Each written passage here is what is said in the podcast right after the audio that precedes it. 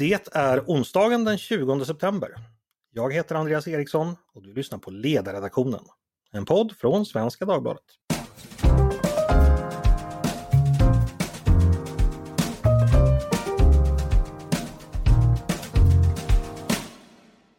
Varmt välkomna!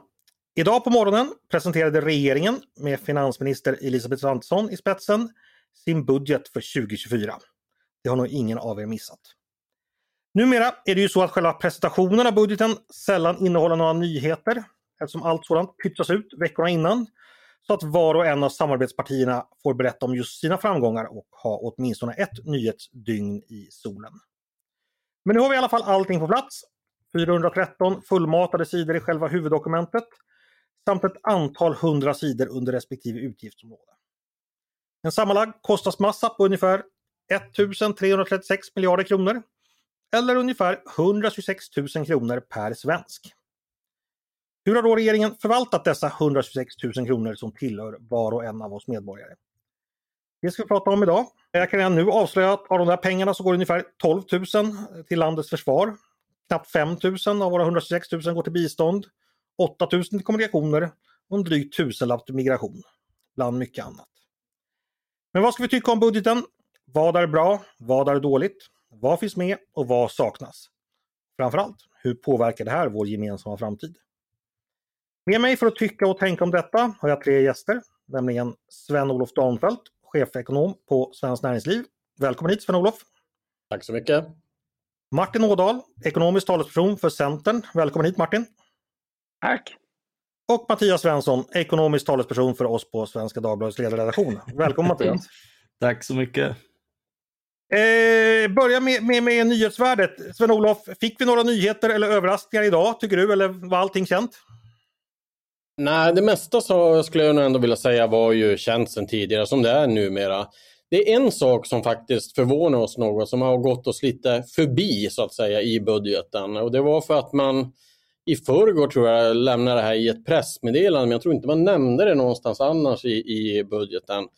Och det är ju att man eh, avser att ta bort det här högkostnadsskyddet för, för, för, för sjuklöne, sjuklönen så att säga för företagare. Det här ser vi som väldigt, väldigt, väldigt bekymmersamt. Eh, för, att, för små företagare är ju det här sjuklöneansvaret redan ganska betungande. Eh, och att man nu då inte får ett, ett högkostnadsskydd innebär ju att det kommer innebära en miljardsmäll för landets eh, småföretagare. Eh, mm. Totalt räknar man att man ska dra in 2,6 miljarder på det här. Och eh, nej, det, det, här, det här var väldigt, eh, ett bland många dåliga besked, men det här förvånar oss lite grann nu när vi, när vi, när vi såg det i budgeten. Ett bland många, det låter illa. Eh, Martin, ifall du får ge din, ditt övergripande omdöme om budgeten, hur lyder det kortfattat? Jag håller helt och hållet med Sven-Olof eh, om att eh, man har klämt in en massa så att säga, rent antiborgerliga ekonomiska förslag alldeles på sluttampen för att finansiera saker som är mindre bra. Eh, men det som var överraskningen just i, alltså generellt sett så är ju budgeten höjer skatten på arbete, höjer kostnaderna för företagen, har ingen tillväxtpolitik. Det som var nytt idag det var dock de egna beräkningarna på utsläppseffekterna ja, men här kommer utsläppen öka med 20 procent. Och för svenskt näringsliv och för Sverige som är så beroende av att i omvärlden visa att ja, men här i landet att tillväxten växer och utsläppen faller samtidigt. Ni kan göra likadant. Nu är det så att tillväxten är, faller eller är väldigt dålig och utsläppen rusar. Och den siffrorna kom svart på vitt nu och det var högre än man någonsin tror jag vi hade räknat med någon av oss. Mm. Fortsatt inland alltså. Mattias, har du någonting gott att säga eller vill du följa med i klagosången? Eh, nej, alltså det var, det var svårt. Det är ju det, du, du frågar ju om överraskningar. Mm. Eh, och, eh, och, och, det är ju inga eftersom man, men man får väl ändå säga det att, att fördelningsmatematiken kring att man ändå i en, i en svår tid eh, ja, man expanderar statens kärnuppdrag, eh, rättsväsende och försvar Eh, det måste göras och det kostar, inklusive att hjälpa Ukraina. Eh, det, det, hanterar man samtidigt som man då lyckas sänka skatten för många löntagare så att man får pengar över och, eh, och även eh, få, få iväg tillräckligt till eh, kommuner för, för att de ska kunna eh, värna skola och vård. Så, så i den balansen så har man, väl, har man väl lyckats. Sen är jag mycket kritisk till hur tomt det ekar på tillväxtområdet, men det mm. gissar jag att vi kommer till. Vi återkommer till det. Jag ska börja med Martin. Du kommer ju färskt från riksdagen här där du har debatterat i kammaren. Eh, vad var det du tog upp när du, när du pratade om saken? Nej, men jag la fokus just på det här med att regeringen liksom inte är borgerlig i den meningen och jag håller med Mattias om att det är jättebra att man satsar på försvaret, att man satsar på polisen. Eh, och Det är faktiskt också bra, vissa andra bra satsningar men det är ju ett stort hål i hjärtat på hela den här ekonomiska politiken. Men jämför man tidigare regeringar där Moderaterna har varit med så hade man ju liksom en riktning och man hade reformförslag.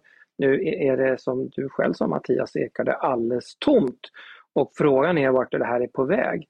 Jag håller inte med om att man har gjort alla prioriteringar rätt. Alltså man har öst pengar på alla möjliga perifera saker i ett akut krisläge mot de resurser som eh, snus och plastpåsar. Jag vet Mattias säkert har billigare snus men om man ska prioritera det eller sänkt skatt för unga, nu höjer man till exempel skatten för 15 till 17-åringar som ett exempel. Mm. Och jag undrar om inte de hellre vill jobba i kiosken och istället för att driva på stan än att de får billigare snus. Hellre sälja snus än bruka snus. Eh, men, men, Martin, ifall din sida av politiken suttit ihop och gjort en budget, du och Esbati och, och så vidare. Vad hade den innehållit som hade varit så mycket bättre än den här budgeten då? Ja, alltså det där är ju det eviga svaret. Ja men okej, det här var inte tillräckligt. Men det, vi har inte någon sida av politiken i Centerpartiet. Men vi är ju det sista liberala borgerliga alternativet. Okay. vi visar, vi vet okay. att när, när vi vann valet, höll på att säga i den meningen att vi hade majoritet, hade, hade majoritet, då sänkte vi skatten med 20 miljarder netto. Största skattesänkningen som, ja, näst, det är efter Borg Reinfeldt, liksom, modern tid. Och vi gjorde stora reformer, på exempel LAS som liberaliserades. Okej, okay. Martin, respekt, Martin jag, jag, ja. det var, det var, jag, jag, jag förstår att ja. det var lite dumt det där. Om Centerpartiet själva då får bestämma, vad skulle du vilja förändra i budgeten då? Nej, men det viktigaste är att man faktiskt netto inte höjer skatten på arbete utan sänker den och att vi inte höjer marginalskatterna. Det är ju verkligen hål i Du brukar säga att det är dålig marginalskatt att de faktiskt till slut minskar intäkterna mer än de ökar dem. Och just nu har vi en enorm brist precis i de inkomstskikten man nu nyper åt med Elisabeth Svantessons skattesänkning. Så det är en del som jag skulle ändra på. Sen skulle jag vilja ha en klimatpolitik där man ger folk en chans att ställa om, alltså hela Sverige. Inte bara ger dem eh, liksom, eh, bensinskattesänkningar som till slut ingen ser någon skymten av allvarligt talat. Eh, och rikta i så fall eh, bensinstöd om det ska vara det. Det vill vi direkt till landsbygden och inte bara sprida ut dem på alla. Men, men framförallt så vill vi satsa på skolan. Alltså det är helt vansinnigt att vi ökar bidragen och a-kassan mer än satsningar på utbildning och på skola i det här läget. I reala termer faller pengarna till skolan. Det sägs upp lärare, det stängs skolor. Men det här ska ju vara liksom den, den här rock solid liksom, granitgrunden som vi ska bygga Sveriges kunskapsnation på och nu eroderas den jättesnabbt. Mm. En annan fråga Martin. Eh, jag vet att Mattias har skrivit en text åt oss, jag tror redan den är publicerad, som handlar om liksom den överordnade liberala borgerliga reformagendan som har funnits med oss många decennier, som inte är slutförd än. Där Mattias tycker ja. det ekar tomt. Vad tänker du eh, utifrån i den aspekten? Nej, men det är ju eftersom vi nu mycket diskuterar de här sociala utsattheten som ändå en av de stora orsakerna till kriminalitet, till, till, eh, till eh, att Sveriges ekonomi nu går så dåligt som det gör. Vi är ett av de få länderna som har till. Det finns jättemycket kvar där att göra och det finns ingen kvar att driva det längre. Men det är ju det som är lite tråkigt i debatten. Jag står ju helt ensam, allvarligt talat. Det är ingen annan som driver de här frågorna längre. Ibland säger Elisabeth Svantesson eller någon till orden. Men läser man sen i budgeten så är det någonting helt annat. Och det är så långt som man liksom låtsas som att en skattehöjning är en skattesänkning för vissa grupper. Genom att säga att, att man inte automatiskt höjer skatten, ja det är en skattesänkning. Mm. Eh, eh, så det, det, det, som Mattias, jag har inte läst artikeln för jag har inte sett den än. Men jag förstår vart han syftar på. Eh. Som ju skapade Sveriges faktiskt fantastiska tillväxt under många år och det moderna svenska samhället, den håller på att dö på det här altaret av populistiska småsatsningar. Mm. Martin, ifall du får bestämma några stora, riktigt tunga reformer eh, av liksom 90-talsmått som, som ska göras framöver, vilka skulle du prioritera då? Ja, för det första så behöver vi faktiskt en skattereform. Menar, nu med de här sista ändringarna blir skattesystemet nästan på gränsen till obegripligt för vanliga människor. Det måste ske nu. Vi är tillbaka där vi var innan den stora skattereformen. Ingen förstår hur ens arbete påverkar en skatt längre. Och det är inte bra, för vi vill att folk ska känna incitamentet att jobba. Eh, sen så skulle jag dessutom vilja ha den här stora skiftet där hela samhället kan få en chans att vara med i klimatomställningen. För då slipper vi den här ständiga kampen mellan man lovar lägre bensin för man tror att det ska hjälpa landsbygden, så försvinner det, så blir det ingenting, så lovar man mera. Istället för att alla får chans att byta och vara en del av det. Då skulle man kunna göra den här klimatomställningen, få den här gröna industrialiseringen som drivs på nu med en helt annan kraft. Eh, men sen vill jag också att vi måste flytta pengar. Vi måste flytta stora belopp. Alltså, ursäkta mig, men tiotals miljarder kronor från från eh, bidrag till utbildning här landet om vi ska bli en kunskapsnation. Mm. Det måste vi göra. Du behöver inte be om ursäkt för stora summor. Eh, Sven-Olof, eh, från näringslivets perspektiv, du har nämnt det här med sjuklönen som en otrevlig överraskning idag. Vad i övrigt är, som företagare och företag, hur, hur nöjda är man tror du? Nej, jag tror att företagarna är ute och pratar med dem. Det. Man var ju redan besviken här i, i våras och jag tror att det fanns ändå lite förhoppningar nu att man skulle rätta till det i den här höstbudgeten. Men det finns ju i princip ingenting för företagare i den här budgeten. Det är lite implementeringsråd för regelförenklingar och att man skjuter personaloptioner in i en 3.12-utredning och sånt där. Det är väl bra, men det är ju inga stora saker utan Problemet här är ju dels att budgeten är alldeles för återhållsam att man, och att man, är, att man är alldeles för tillbakablickande. Att man säger att man har en återhållsam budget för den här höga inflationen. Men problemen är ju när budgeten får effekt nästa år. Ja, då, enligt alla bedömare så kommer inflationen då att närma sig Riksbankens inflationsmål eller till och med kanske understiga den. Så man hade ju definitivt kunnat vara mer expansiv i den här budgeten än vad man var. Sen så håller jag helt med Martin här om att eh, en annan överraskning än den kom tidigare, det var ju det här att eh, man väljer att finansiera ett jobbskatteavdrag på 11 miljarder genom att höja skatter med 12 miljarder, genom att inte höja upp brytpunkten för statliga inkomstskatten. Det är ju över 300 000 personer som alltså får höjd marginalskatt nästa år. Och vi vet ju från forskningen att det här har ju, det här har ju jätteskadliga eh, effekter på ekonomin. Det minskar antalet arbetade timmar, det leder till en ökad skatteplanering, det minskar incitamenten att vidareutbilda sig och anstränga sig. Det är helt enkelt en dålig ekonomisk politik. Dessutom var det ju så att man aviserade i våras att man hade tänkt ta bort den här avtrappningen av jobbskatteavdraget. Och det är ju nästan ännu märkligare att man inte genomförde det, för den skulle ju finansiera sig själv. Enligt Riksrevisionens beräkningar som professor Lena Flod gjorde så var ju självfinansieringsgraden på det 125 procent. Mm. det är ju för mig helt obegripligt. Visst, det, är, det, är ju, det skulle ju framförallt gynna dem med högre inkomster, men det skulle inte missgynna någon annan. Mm, okay. Några eh, skulle få det bättre utan att någon annan skulle få det sämre, så det är för mig obegripligt ja. att man inte väljer att ta bort det. Vi släpper in Höjden av ironin också, ska jag säga att vi tog bort värnskatten med Socialdemokraterna, men eh, den här nya regeringen som kallar sig bara nu, någon borgerlig, de höjer marginalskatterna ganska drastiskt. Det, det hade man inte sett komma faktiskt. Eh, Mattias, eh, en mer hårda ord kommer här från, från dina medpanelister. Eh, delar du vad, vad, analysen som kommer från Sven-Olof och, och, Martin här? Ja, jag, jag, är kanske lite mer skeptisk än, än Sven-Olof till, eh, till om inflationen verkligen är borta. Vi, vi har ju haft inflationsprognoser i många år och de har sällan stämt igelkotten och allting.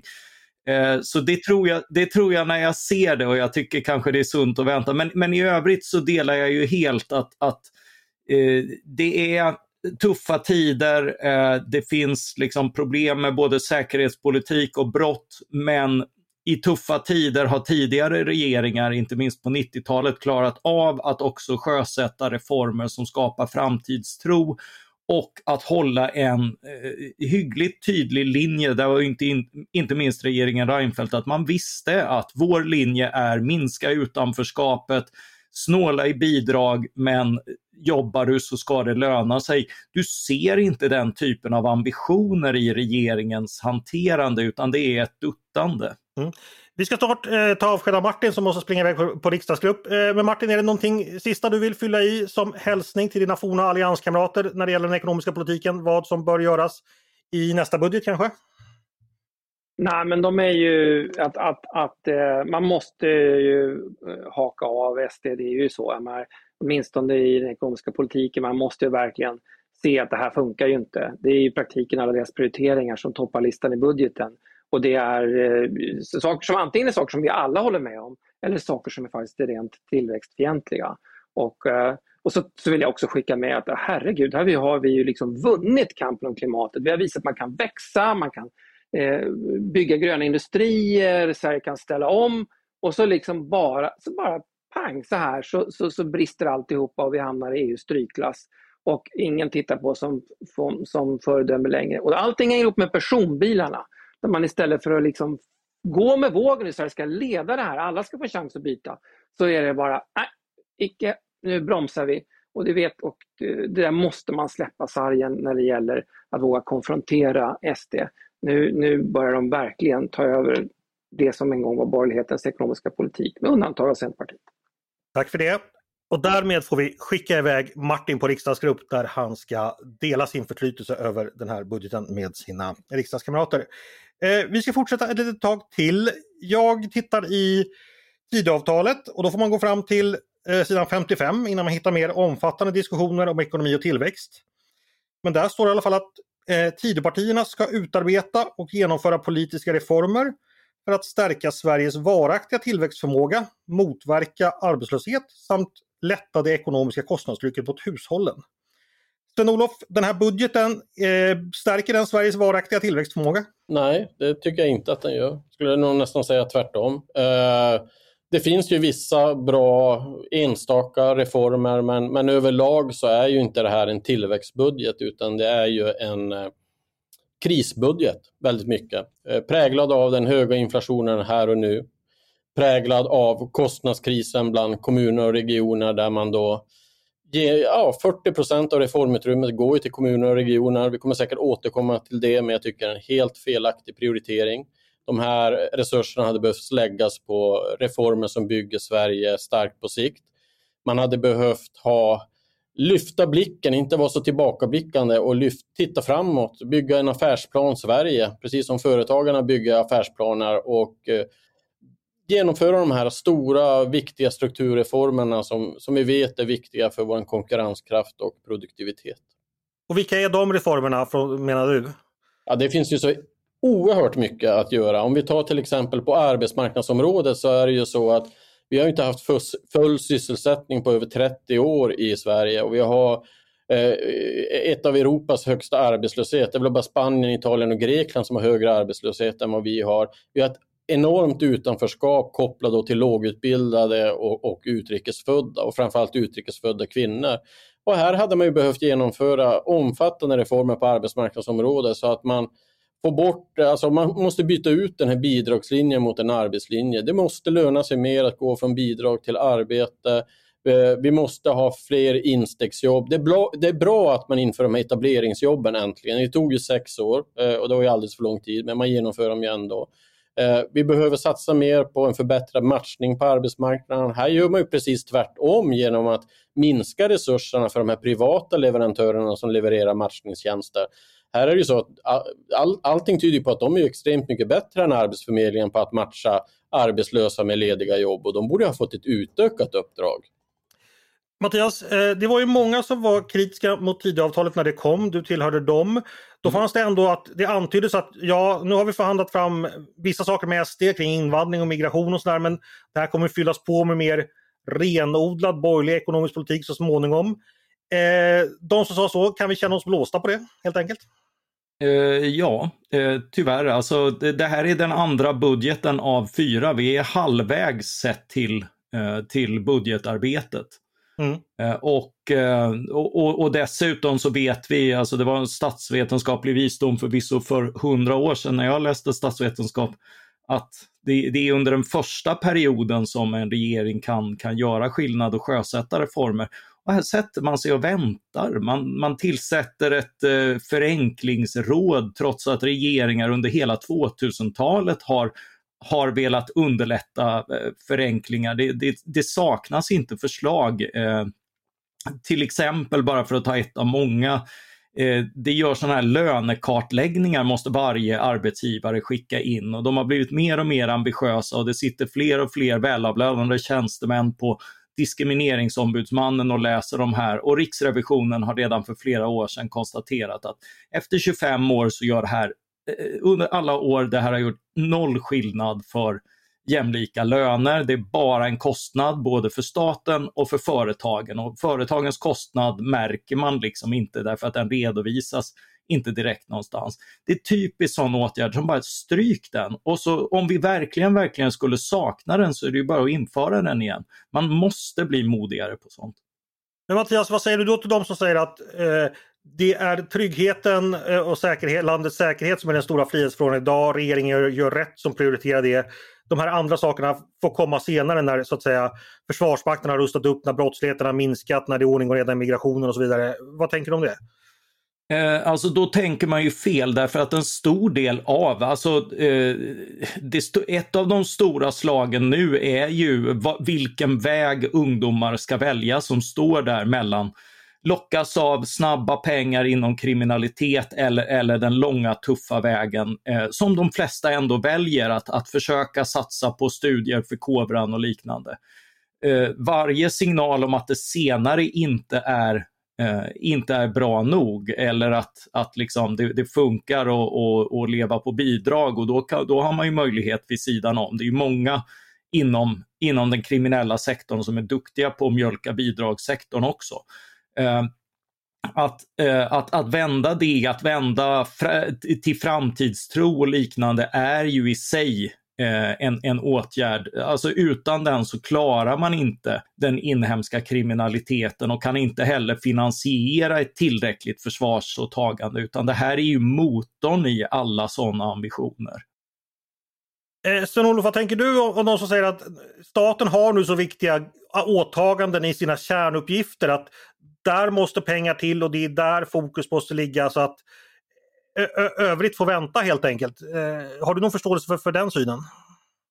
Nej, men jag har förståelse för att man ger mer pengar till brottsbekämpning och rättsväsende och försvar och, och, liknande. Det tycker jag, det är som sagt, det är ju statens kärnuppgifter och i det här läget var det absolut nödvändigt. Men det handlar ju om andra prioriteringar. Det handlar ju ändå om att 40 procent av det här reformutrymmet går till kommuner och regioner där många av dem har en väldigt stark finansiell ställning och hade kunnat använda sina resurser för att eh, rida upp de underskott som de faktiskt har skapat själva. Ja, nu är det andra gången du nämner de här.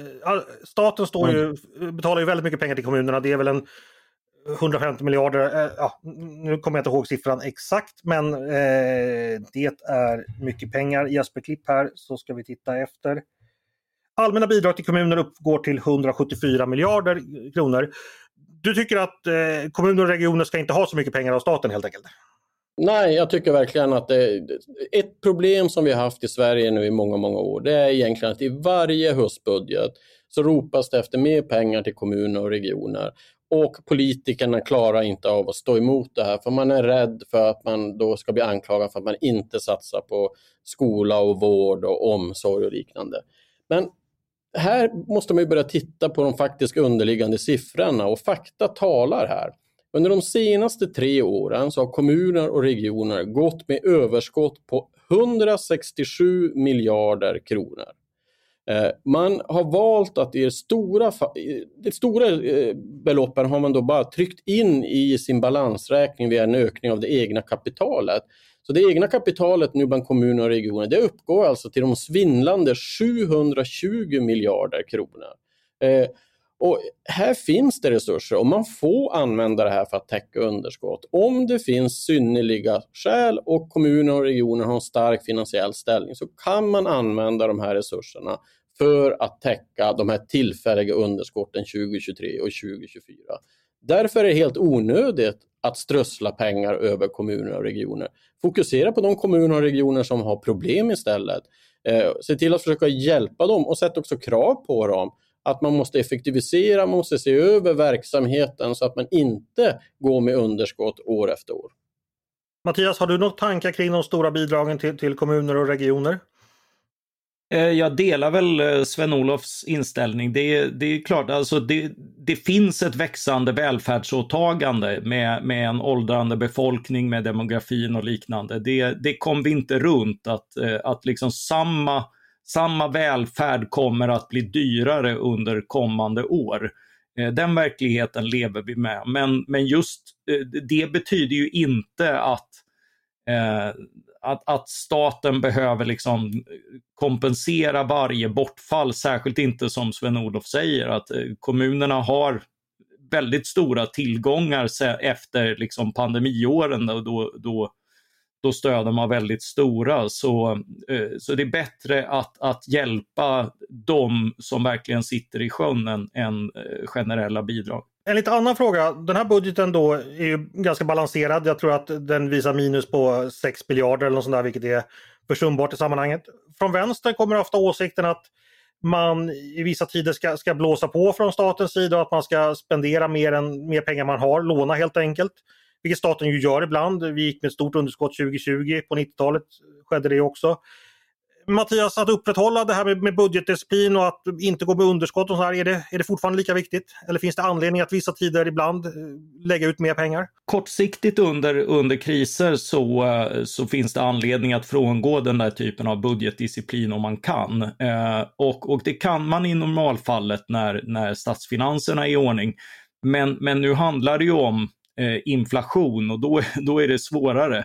Eh, problemet här som hänger över hela Sveriges situation och Elisabeth Svantessons budget är ju att Riksbanken har ju egentligen sedan finanskrisen och framförallt åren efter, de fortsatte över en hel konjunkturcykel och pumpa ut billiga krediter. Det gjorde all, andra också, men, men svenska Riksbanken skulle av någon anledning vara bäst i klassen fast vi inte ens hade några större ekonomiska problem.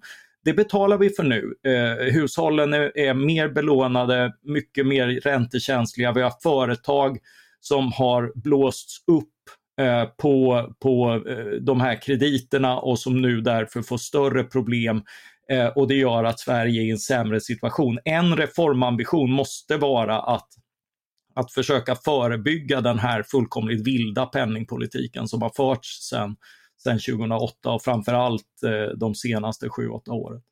Sven-Olof, har du någon, eh, vill du kommentera på det någonting? Ja, gärna. Men för det första så är det ju så att vi har ju ett överskottsmål idag och den, den tycker jag att man med, med lätthet kan överge till ett balansmål. För att våra statsfinanser är så extremt stabila, framförallt om vi jämför med våra konkurrentländer. Det finns inget skäl att pressa ner skatt, statsskulden mot noll. Och ett balansmål skulle ju frigöra ungefär 20 miljarder kronor i ett ökat reformutrymme. Jag är inte lika orolig som eh, Mattias här för, eh, för inflationen. Jag är faktiskt väldigt mycket mer orolig över lågkonjunkturen som vi är inne i full kraft gå in i nu. Eh, vi har alltså haft fallande konsumtion fyra kvartal i rad. Det har vi inte haft sedan 1993. Hushållen har inte varit så här deppiga sedan Konjunkturinstitutet började mäta detta 1996. Vi ser i våra undersökningar att företagens förväntningar om framtiden rasar i snabb takt. Ett av fyra företag eh, säger att de funderar på att varsla personal innan de kommande sex månaderna. Eh, vi har tillfälliga skatteanstånd ute på, från pandemiåren på 45 miljarder kronor. Många företag i till exempel besöksnäringen kommer att drabbas av det här. De kommer inte ha en chans att betala tillbaka det här. Så att jag tror att konkurserna kommer öka snabbt här under hösten och vi kommer gå in i en lågkonjunktur som kan bli både djupare och allvarligare än vad de flesta tror. Så att jag, jag är ganska övertygad om här, att i det här läget hade det varit bra om man hade genomfört en mer expansiv finanspolitik. Och här kan man också genomföra åtgärder som faktiskt också pressar ner inflationen. En sådan åtgärd skulle vara till exempel att sänka arbetsgivaravgifterna för unga genom att ta bort den allmänna löneavgiften, vilket är också är bara en dold skatt för alla som är 26 år eller yngre. Eh, det skulle sänka kostnaden för företagen eh, och det skulle samtidigt pressa tillbaka inflation. Mm. Eh, vi ska ta och runda av. Bara en avslutande fråga ska vi titta framåt. För att som Mattias sa så återstår ju två budgetar här för den här regeringen eh, om, om inte någonting händer. Eh, vad vill ni helst av allt se ifall ni får välja någonting inför nästa budget? Ja, ni har ju pratat många förslag här men om ni får välja ett, vad, vad säger du Mattias? Ja, alltså det, det, det hör kanske inte riktigt till ekonomin och ändå svävar det över och det, det är ju det här att, eh, att jag menar, vi, vi lägger enorma resurser på att bekämpa gängen. Det måste vi göra när, när minderåriga mördar varandra. Det, det behöver göras extremt mycket.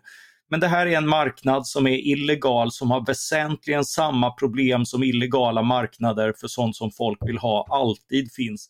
Vi har en utredning som inte ens vill titta på det här. Det här skulle kunna vara sektorer som är reglerade, där människor får jobb, betalar skatt, istället för att det är en väg in i kriminalitet, mord och hopplöshet som det är idag. Jag kan inte se varför det är ristat i sten att dagens förbud måste vara oförändrat och det måste ändå upp på bordet. Okej. Okay. Eh, Sven-Olof, ifall du vill eh, ge finansministern ett tips till nästa gång och välja en åtgärd, vad, vad skulle det vara? Jag tror att det är väldigt, väldigt viktigt att regeringen i nästa budget lanserar en stor bidragsreform. För att nu inför man ett jobbskatteavdrag som jag tycker är bra. Problemet är bara att det kommer inte leda till så många nya jobb. Det kommer inte bryta det här utanförskapet på arbetsmarknaden. Därför att bidragen inflationsjusteras ju samtidigt. Så i många fall så är det faktiskt så att drivkraften att gå från bidrag till arbete snarare minskar än ökar. Och det här måste vi, vi måste bryta med den här bidragslinjen och skapa en arbetslinje som är inkluderande och ställer krav på människor. Att det, det är arbete som är normen, det är det som gäller. Man måste flytta, eh, man, man behöver så att säga ta ett arbete om man erbjuds det. Eh, det här är otroligt viktigt att, att, eh, att få på plats i Sverige, så det skulle vara ett medskick. Stort tack för det! Eh, och därmed är det dags att tacka er för den här diskussionen. Eh, stort tack Sven-Olof Danfeldt från Svenskt Näringsliv för att du kom hit. Tack så mycket. Och tack också Mattias Svensson. Tack också till Martin Ådahl som redan hunnit spring, springa iväg på riksdagsgrupp.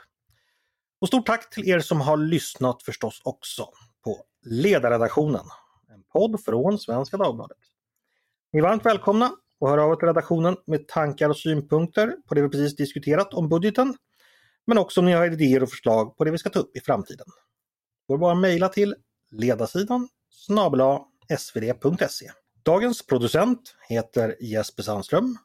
Jag heter Andreas Eriksson och jag hoppas att vi hörs snart igen.